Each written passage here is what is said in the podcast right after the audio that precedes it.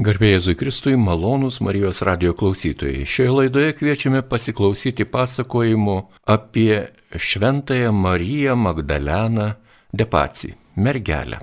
Katalikų bažnyčioje yra šventieji skirstomi kankinius, mergeles ir šventuosius. Tai šį kartą mergelę Šventąją Mariją Magdaleną Depacį jums pristatys Lietuvos bažnytinio paveldo muziejaus edukatorė istorikė Laura Misiūnaitė. Jei klausimus užduos Liutauras Serapinas ir aš sveikinuosi su gerbiama Laura, garbėjai Kristui, laba diena. Labą dieną. Ačiū, kad atvykote į Marijos radiją ir priminsite mums, kas ta mergelė Marija Magdalena Depaci, kas ji tokia. Taip, tai mergelė Marija Magdalena Depaci yra viena iš na, dviejų žinomiausių karmeličių vienuolių pasaulyje kartu su Šventajo Kotryna. Tai jeigu matome kur nors karmelitų kontekste dvi pavaizduotas moteris, tai žinome jau jų vardus, visada jos bus.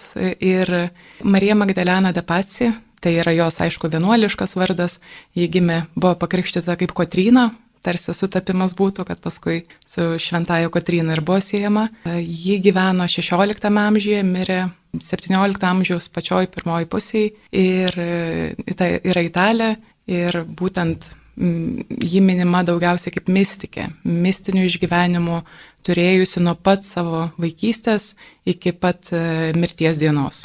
Ir neatsitiktinai būtent šią dieną mes ją minime, kuo ypatinga ši diena. Taip, gegužės 25-oji, tai yra būtent jos mirties diena 1607 metais, kaip sakome, gegužės 25 dieną ji gimė danguje. Tai ši diena ir buvo pasirinkta kaip jos minėjimo diena.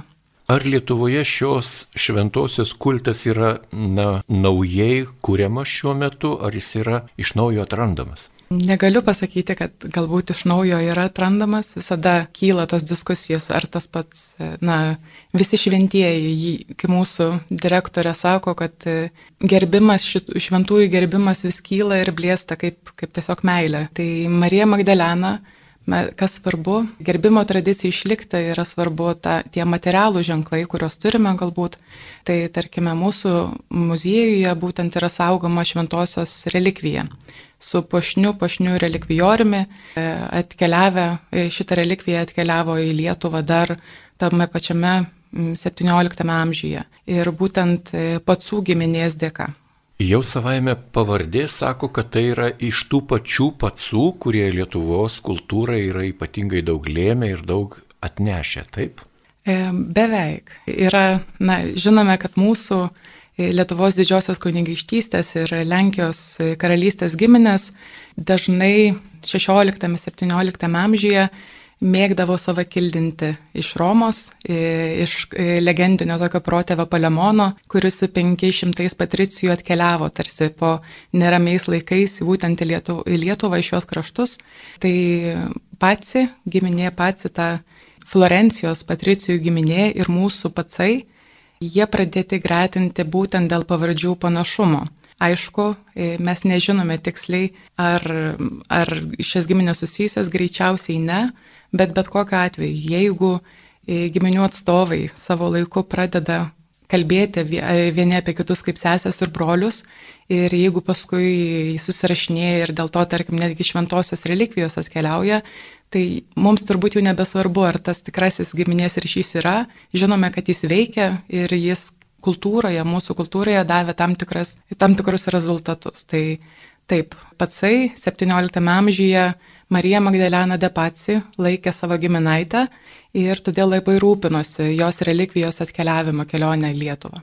Na, šiais laikais į relikvijas katalikai, krikščionys žiūri galbūt kitaip, negu kad jie žiūrėdavo žmonės prieš 200 ar 300 metų arba 1000 metų atgal, jeigu tą istoriją mes kažkiek galime pažinti dar iš istorinių šaltinių, tai žinoma ir taip pat ir tų šventųjų pagerbimo kultas kažkiek kinta. Gal jums yra žinoma, kur kokiose vietose šios šventosios relikvijos buvo Lietuvoje, gal yra iki šioliai. Tai istorijoje, šaltiniuose yra žinomas labiausiai da, tas išlikęs būtent relikvijorius, kuris dabar yra pas mus. Tai Marijos Magdalenos toks mažytis relikvijorius. Netgi dailėtyrininkai sako, kad jis pati forma šitos dėžutės tokį Marijos Magdalenos Depaci gyvenimo trapumą atkartoja, nes tai yra krištolinis rutulys ant labai siauros e, subtilios kojelės ir viduje galime matyti šventosios dantį ir keletą plaukų. Tai ši relikvija buvo padovanota Mikolojui Steponui Patsui, kuris buvo Vilnius vyskupas ir tik tai po jo mirties atiteko būtent katedrai, Vilnius katedros lobino fondus pateko. Žinome, kad galbūt, galbūt 18 amžiuje dar e, buvo vienas relikviorius su e, mistikės plaukais ir abito gabalėliu, yra minima graži juodmedžio dėžutė, pasidabruota su trimis skulptūrėlėmis, bet e, neaišku, kur pradingusi turėjo tikrai būti Pažaislio vienuolyne, greičiausiai Pažaislio vienuolyno bažnyčios koplyčioje. Būtent ten yra Marijos Magdalenos depacija vardo koplyčia, tai turėjo ši relikvija atsidurti ten.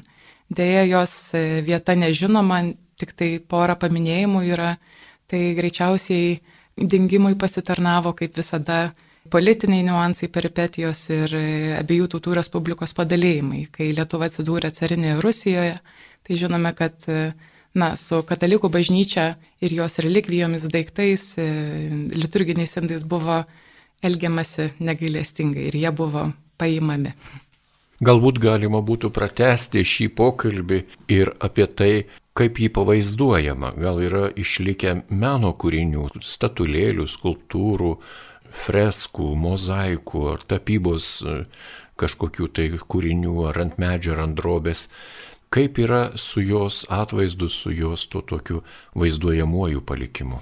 Na, ji visų pirma, aišku, vaizduojama kai e, kaip vienuolė, karmelitė vienuolė su vienuoliniu abitu, dažnai poroje su Šventajo Kotryna ir e, labai labai graži, visada buvo minimas tas jos grožis, netgi vienas iš e, stebuklų susijusių būtent su šitą šventąją yra tas, kad jau po mirties masinamas jos, na, kalbu apie jos grožį, vienas lengvabūdiškas jaunuolis ateina pažiūrėti į mirusią vienuolę ir sakoma, kad ji nusisuka nuo jo, nugrėždama savo gražų veidą.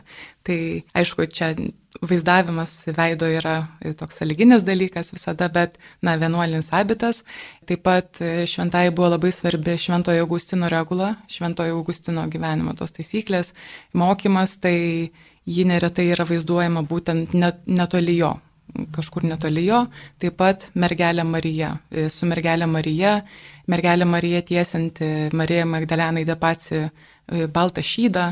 Visi šitie dalykai, e, tokie naratyvūs dalykai aplink vaizduojami mums galėtų pasakyti labiausiai, kad, kad būtent ši, e, ši šventoji čia yra pavaizduota. Ir tokius motyvus tikrai galima išvysti tame pačiame pažaislyje. Freskos pasakojančios apie Marijos Magdalenos depaci mistinius išgyvenimus ir ir būtent e, kur vaizduojami mergelė Marija, Šventasis Augustinas. E, ten jas galime pamatyti ir įdomu, kad ši freskos tapytos yra Michelangelo Palonė. Šita pavardė turbūt yra žinoma žmonėms, kurie galbūt žino apie Vilnius katedrą šitą, nes freskos, e, dvi freskos, stebuklinės freskos, būtent vaizduojančios stebuklus, Šventojo Kazimiero koplyčioje Vilniaus katedroje būtent buvo nutapytos to paties autoriaus Michelangelo Palonė. Tai kalbame aišku apie tuos pačius laikus, dvi skirtingas giminės - vazų ir pacų. Ir vazos karalių giminė, na, jų patikėtiniai patsai ir buvo. Tai nieko čia nėra atsitiktinio.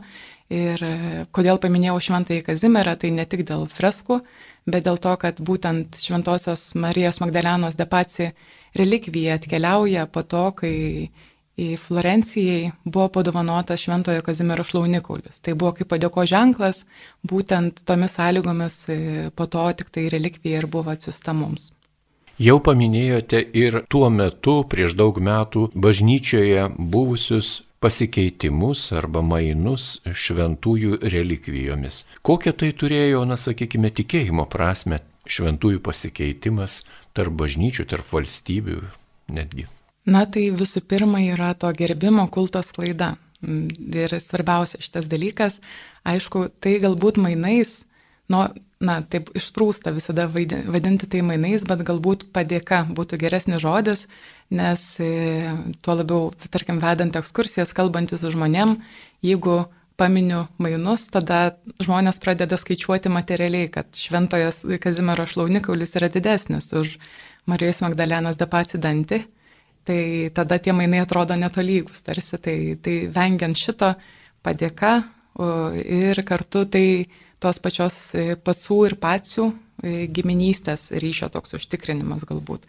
Ir e, taip, žinome, kad Florencijoje Šventojo Kazimiero kultas yra, jis buvo, dėl to tas ta relikvija nukeliauja būtent į Italiją. Ir taip pat Palermo miesto globėjas, šventasis globėjas yra taip pat Kazimieras.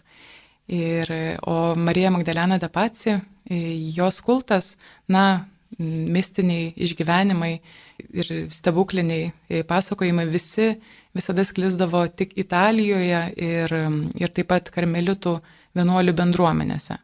Tai į Lietuvą, kad atkeliauja šitą gerbimo tradiciją, mes turime dėkoti būtent patsams, patsų giminiai ir, ir ta relikvija taip pat susijusi su na, su bažnyčių statyba. Ten, kur patsai, mūsiškiai, kurie buvo visada artimi karaliui ir tikrai labai takingi, galime kalbėti apie vieną iš, na, mums žinomiausių, įtakingiausių giminių Lietuvos didžioji kunigaikštystėje, šalia Sapiegų ir anksčiau Radvilų, aišku. Tai kur jie stato bažnyčias, kur jie stato mauzoliejus, ten jie platina ir Marijos Magdalenos kultą. Tai būtent kalbame apie Jėzno bažnyčią, apie Pažaislio vienuolyną su bažnyčia ir, ir taip pat Antakalnio Petro ir Povilo bažnyčią. Žinome, kad ten irgi Marijos Magdalenos paveikslas kabo iki šiol. Ar norintis galėtų pamatyti tuos paveikslus, užėję į bažnyčią, sakykime, žmonės, ne tik pamaldų metu, jie yra išeksponuoti matomoje vietoje, taip? Taip, taip, jie yra išeksponuoti, matosi tikrai. Paminėjote tris vietas - Vilniaus Antakalnį, Jiezną ir Pažaislį. Ir tai yra tik tais Lietuvoje likę turbūt maldingumo tie ženklai, bet ar yra žinių kokiu nors apie šalia esančiose valstybėse - Baltarusijoje, Lenkijoje šio kulto atminimo ženklų? Turbūt galėčiau kažką praleisti, bet tas buvo na, beveik pabrėžtinas dalykas, kad taip iš tiesų patsai bažnyčias fundavo ir tą patį vienuolyną būtent etninėje Lietuvoje kažkaip taip strategiškai beveikavosi. Ir aišku, su tuo susiję tai, kad e, Mikalojus Steponas Patsas, Vilniaus vyskupas, kuris rūpinosi e, relikvijos kelionę čia ir bet beje, tik tai, kaip sakiau, po jo mirties relikvija ir atiteko Vilniaus katedrai, jis buvo, na, Vilniaus vyskupas, tai, tai dėl to viskas vyko mums panosime, būtent šitoje vietoje. Malonus Marijos radio klausytojai, jūs girdite laidą, kuri yra skirta karmelitai, šventajai, mergeliai Marijai Magdalenai Depaci. Apie ją pasakoja Vilniuje esančio bažnytinio paveldo muziejaus edukatorė, istorikė Laura Misiūnaitė. Taigi, tęsant pažinti su šia šventaja, gal būtų galima grįžti vėlgi jau prie minėtos šio šventosios gyvenimo laikotarpio ir istorijos. Kokios tos šventos istorijos yra susijusios ir iki šiol neužmirštos, kai kalbame apie Mariją Magdaleną de Paci. Taip, tai tas žodis, kurių daug minėjau, tai yra mistiniai išgyvenimai. Dar prieš tai norėčiau gal tiesiog priminti kontekstą. Marija Magdalena Depaci gimsta 16 amžiaus antroje pusėje, tai kalbame apie katalikiškos reformos laikotarpį, kuris tęsiasi ir toliau šiek tiek ir būtent tas pokyčių noras visas aplinkui tą atmosferą sklando. Ir Marija Magdalena, jos krikšto vardas buvo Kotryna, tai Kotryna Magdalena Depaci, iš tiesų garbingos giminės atstovė ji pati pasirenka iš tiesų tą vienuolišką kelią, dar labai jauna būdama. Žinome, kad net tiems laikams labai jauna priima pirmąją komuniją, tai yra dešimties metų, ir tuo metu e, jau duoda skaistybės įžodus. Tai galime prisiminti, kad politinės santokos būdavo sudaromos labai anksti, mergaitė galėjo ištekėti ir 12, ir 14 metų, ir būtent tai ir buvo numatyta, bet jos tėvai, tėvas, e, na, pasidavė jos norams, pakluso ir e, leido nesu, nesulaužyti savo skaistybės įžadų ir išleido ją į vienuolės. Ir žinome, kad kai tik įstojo į karmeličių gretas, ji, ji labai sunkiai susirgo. Tai pagrindiniai du motyvai jos gyvenimo iki pat mirties tai yra lyga, lygos, kūno skausmai, neįtikėtinai didelis kūno skausmai ir kartu mistiniai išgyvenimai. Nebūtinai viena kitą lydintis, bet na, lygos dažnai prisidėdavo prie tų išgyvenimų. Tai tik įstojusi, 14 metė jau įstojusi į vienuolyną, Marija Magdalena Depaci dar novice labai sunkiai serga ir, ir dėl to nutariama jai netgi greičiau duoti amžinosius įžadus, kuriuos prieimusi lygota lygos patale vėl perkeliama į ligoninę, patiria pirmasis mistinės patirtis, kaip sakoma, dvasios pagava ištinka ir pirmosios patirtis, tie mistiniai išgyvenimai, ekstazės trunka 40 dienų. Kartojas visada tuo pačiu metu, ryte, po komunijos ir nenutraukiamai vyksta.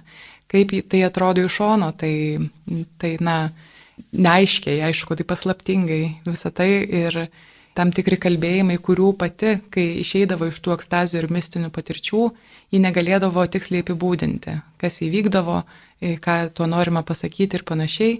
Ir todėl būdavo bandoma šitas, šitas išgyvenimus užrašyti kitaip, nes pati Magdalena negalėdavo jų apibūdinti žodžiais.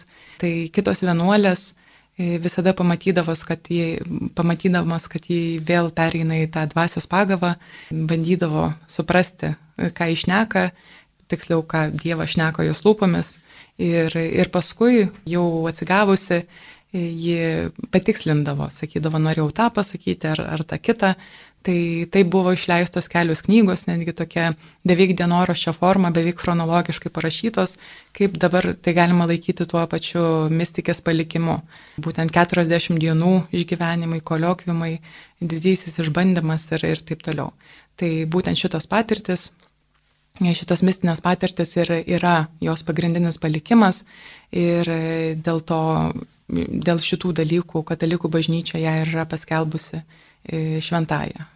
Paminėjote tokių žodžių, kurių galbūt prasmės nedaugelis klausytojų žino. Sakykime, koliokviumai arba ekstazės. Kas tai?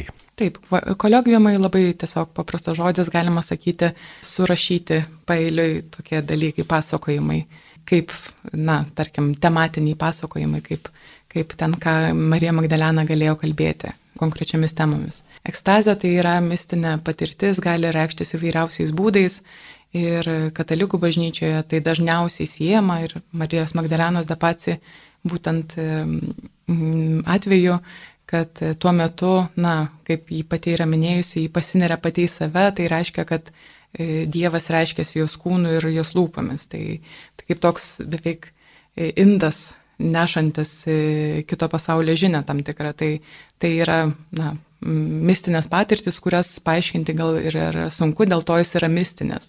Randame žinių, jog ji yra turėjusi ypatingą na, susitikimą su Jėzumi ir tai dramatiškas susitikimas, kuris yra aprašytas, jį pasikeitė širdimis su Jėzumi. Kokia tai istorija, ar galite ją papasakoti?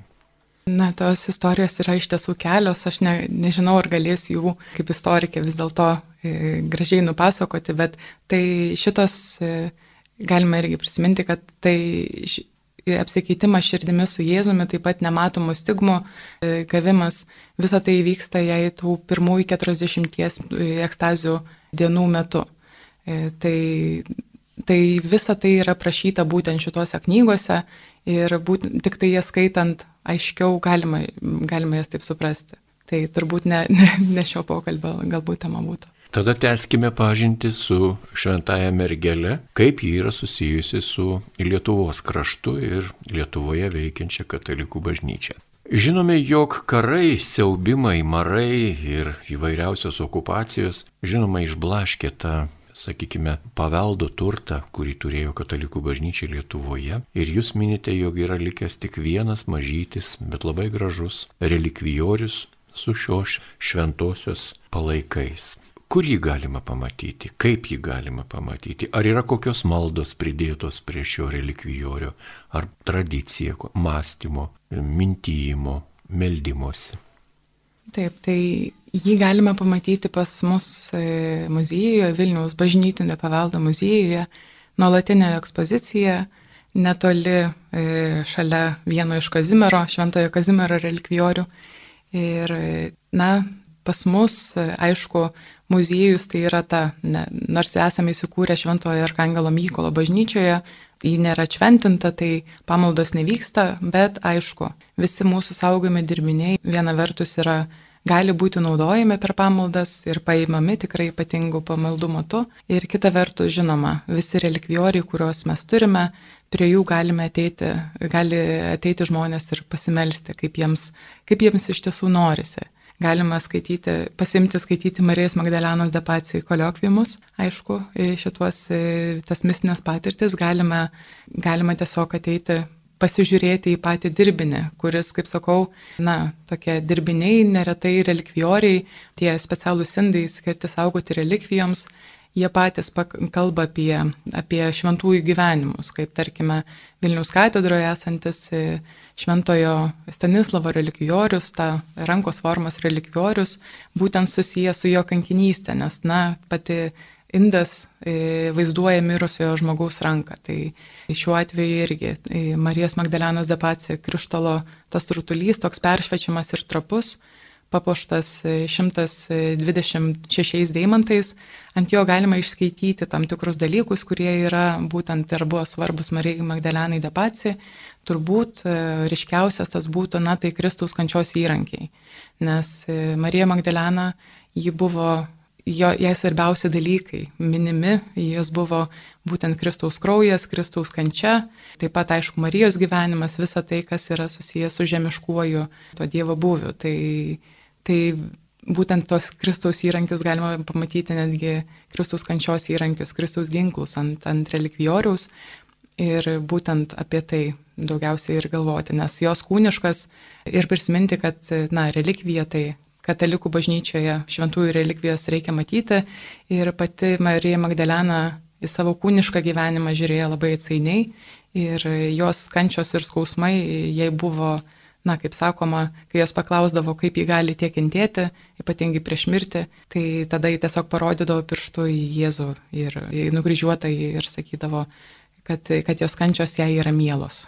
Ir, ir tiesiog dėl to gal, gali daugiau pajusti pati, ką reiškia ta, ta dieviška kančia. Tęsime laidą apie karmelitę šventąją mergelę Mariją Magdaleną de Paci. Ir apie ją pasakoja istorikė Laura Misiūnaitė. Susipažinome su ypatinga šventaja, apie kurią tikrai nėra lengva kalbėti, galima labai greitai, na, kaip čia pasakyti, viską suprofanuoti, paverčiant vien tik tais kažkokiais miražais ar regimybėmis ir kuo kitu, nes vis tiek krikščioniškas katalikiškas tikėjimas yra labai konkretus, remiasi labai aiškiais supratimais, kas yra Dievas, kas yra Sūnus, kas yra švenčiausioji trejybė. Ir čia šioje vietoje mes kalbame jau apie asmenis, kurie yra žemiškiai, žmogiški asmenys. Kartais gauname mes ir pastabų, kad katalikai yra per daug prisirišę prie žemiškųjų palaikų, per daug garbina žmogiškumą ir netgi bažnyčia į tą sakralinę erdvę įveda paprastų žmonių likimus, gyvenimus, juos įvardindami šventaisiais, palaimintaisiais, mergelėmis, kankiniais.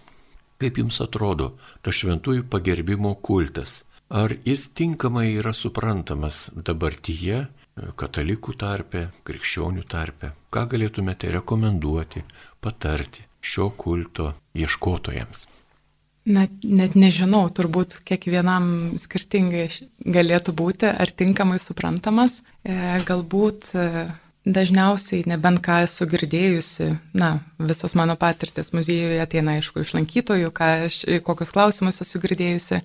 Tai taip, šventųjų relikvijų gerbimas Kaip tik neretai žmonėms, e, kalbam aišku nebūtinai apie katalikų bendruomenę, bet tiesiog istorijos mylėtojus ir panašiai, dažnai yra susijęs tas relikvijų gerbimas su stabų gerbimu, netgi su pagonybė tam tikra.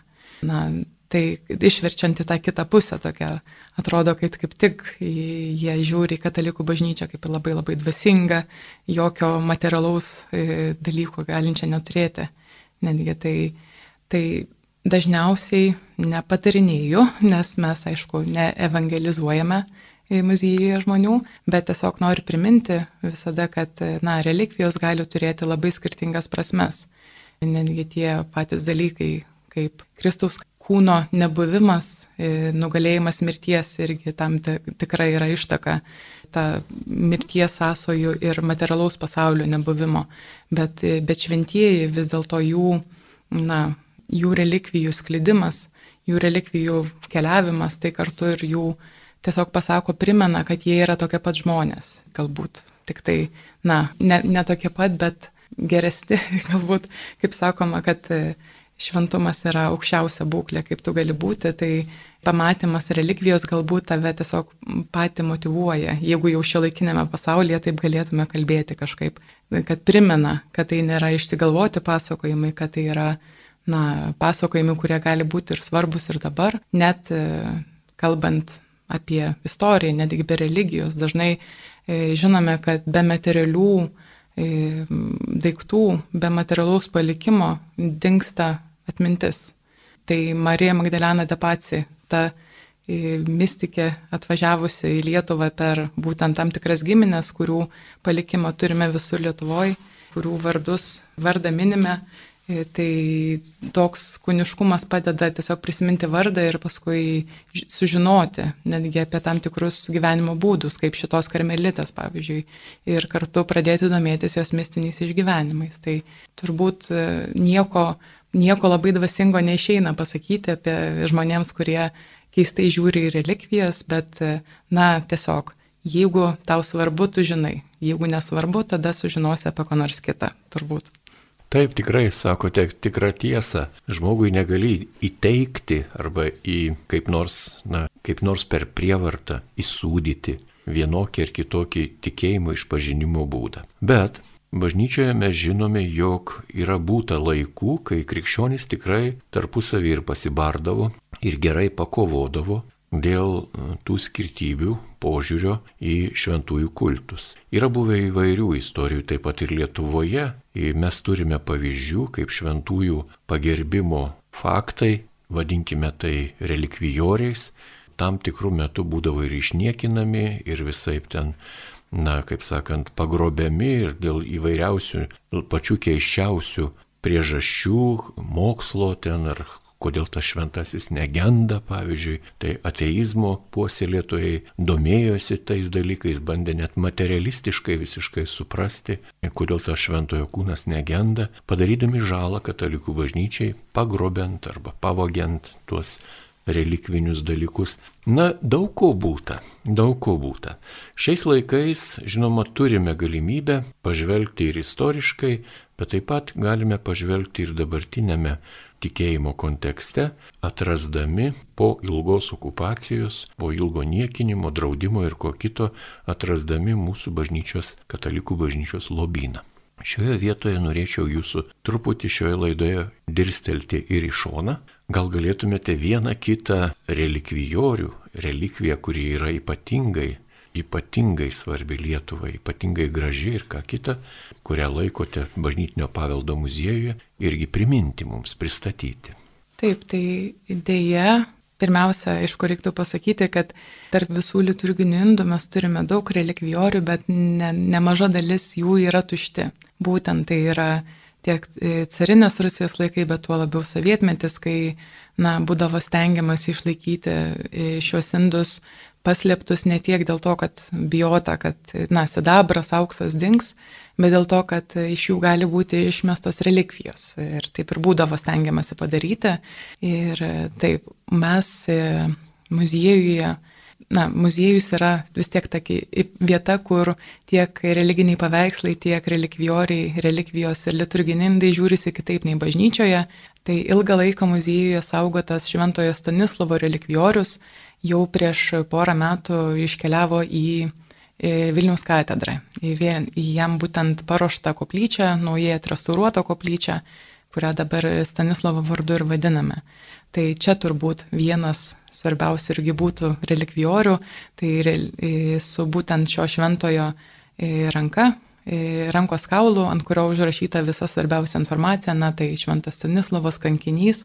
Ir manome, kad tiek relikvija, relikvija padovanota Vilniaus katedrai Krikšto proga, būtent kalbame apie karalius Jogailos laikus. Ir nors yra senesnė, šventasis Stanislavas gyvena XI amžiuje ir taip pat pašnus indas, kuriame saugoma relikvija, šiek tiek vėlesnė, XVI amžiaus pati pradžia, su nežinoma vyskupo žiedu, kurį netgi galima būtų numauti nuo tanykščio, žiedą su safyru kaip viena iš tų na, pagrindinių simbolinių daiktų viskupų. Vienas būtent yra žiedą šalia mitros pastoralo lasdos ir pektoralo to kryžiaus ant krūtinės, paliktas būtent šventajam Stanislavui. Kitos relikvijos, žinoma, yra Šventojo Kazimiero, Kazimiero koplyčioje. Taip pat turime nedidelį gabalėlį dar būtent su šio šventojo relikvija ir bažnytinio paveldo muziejuje.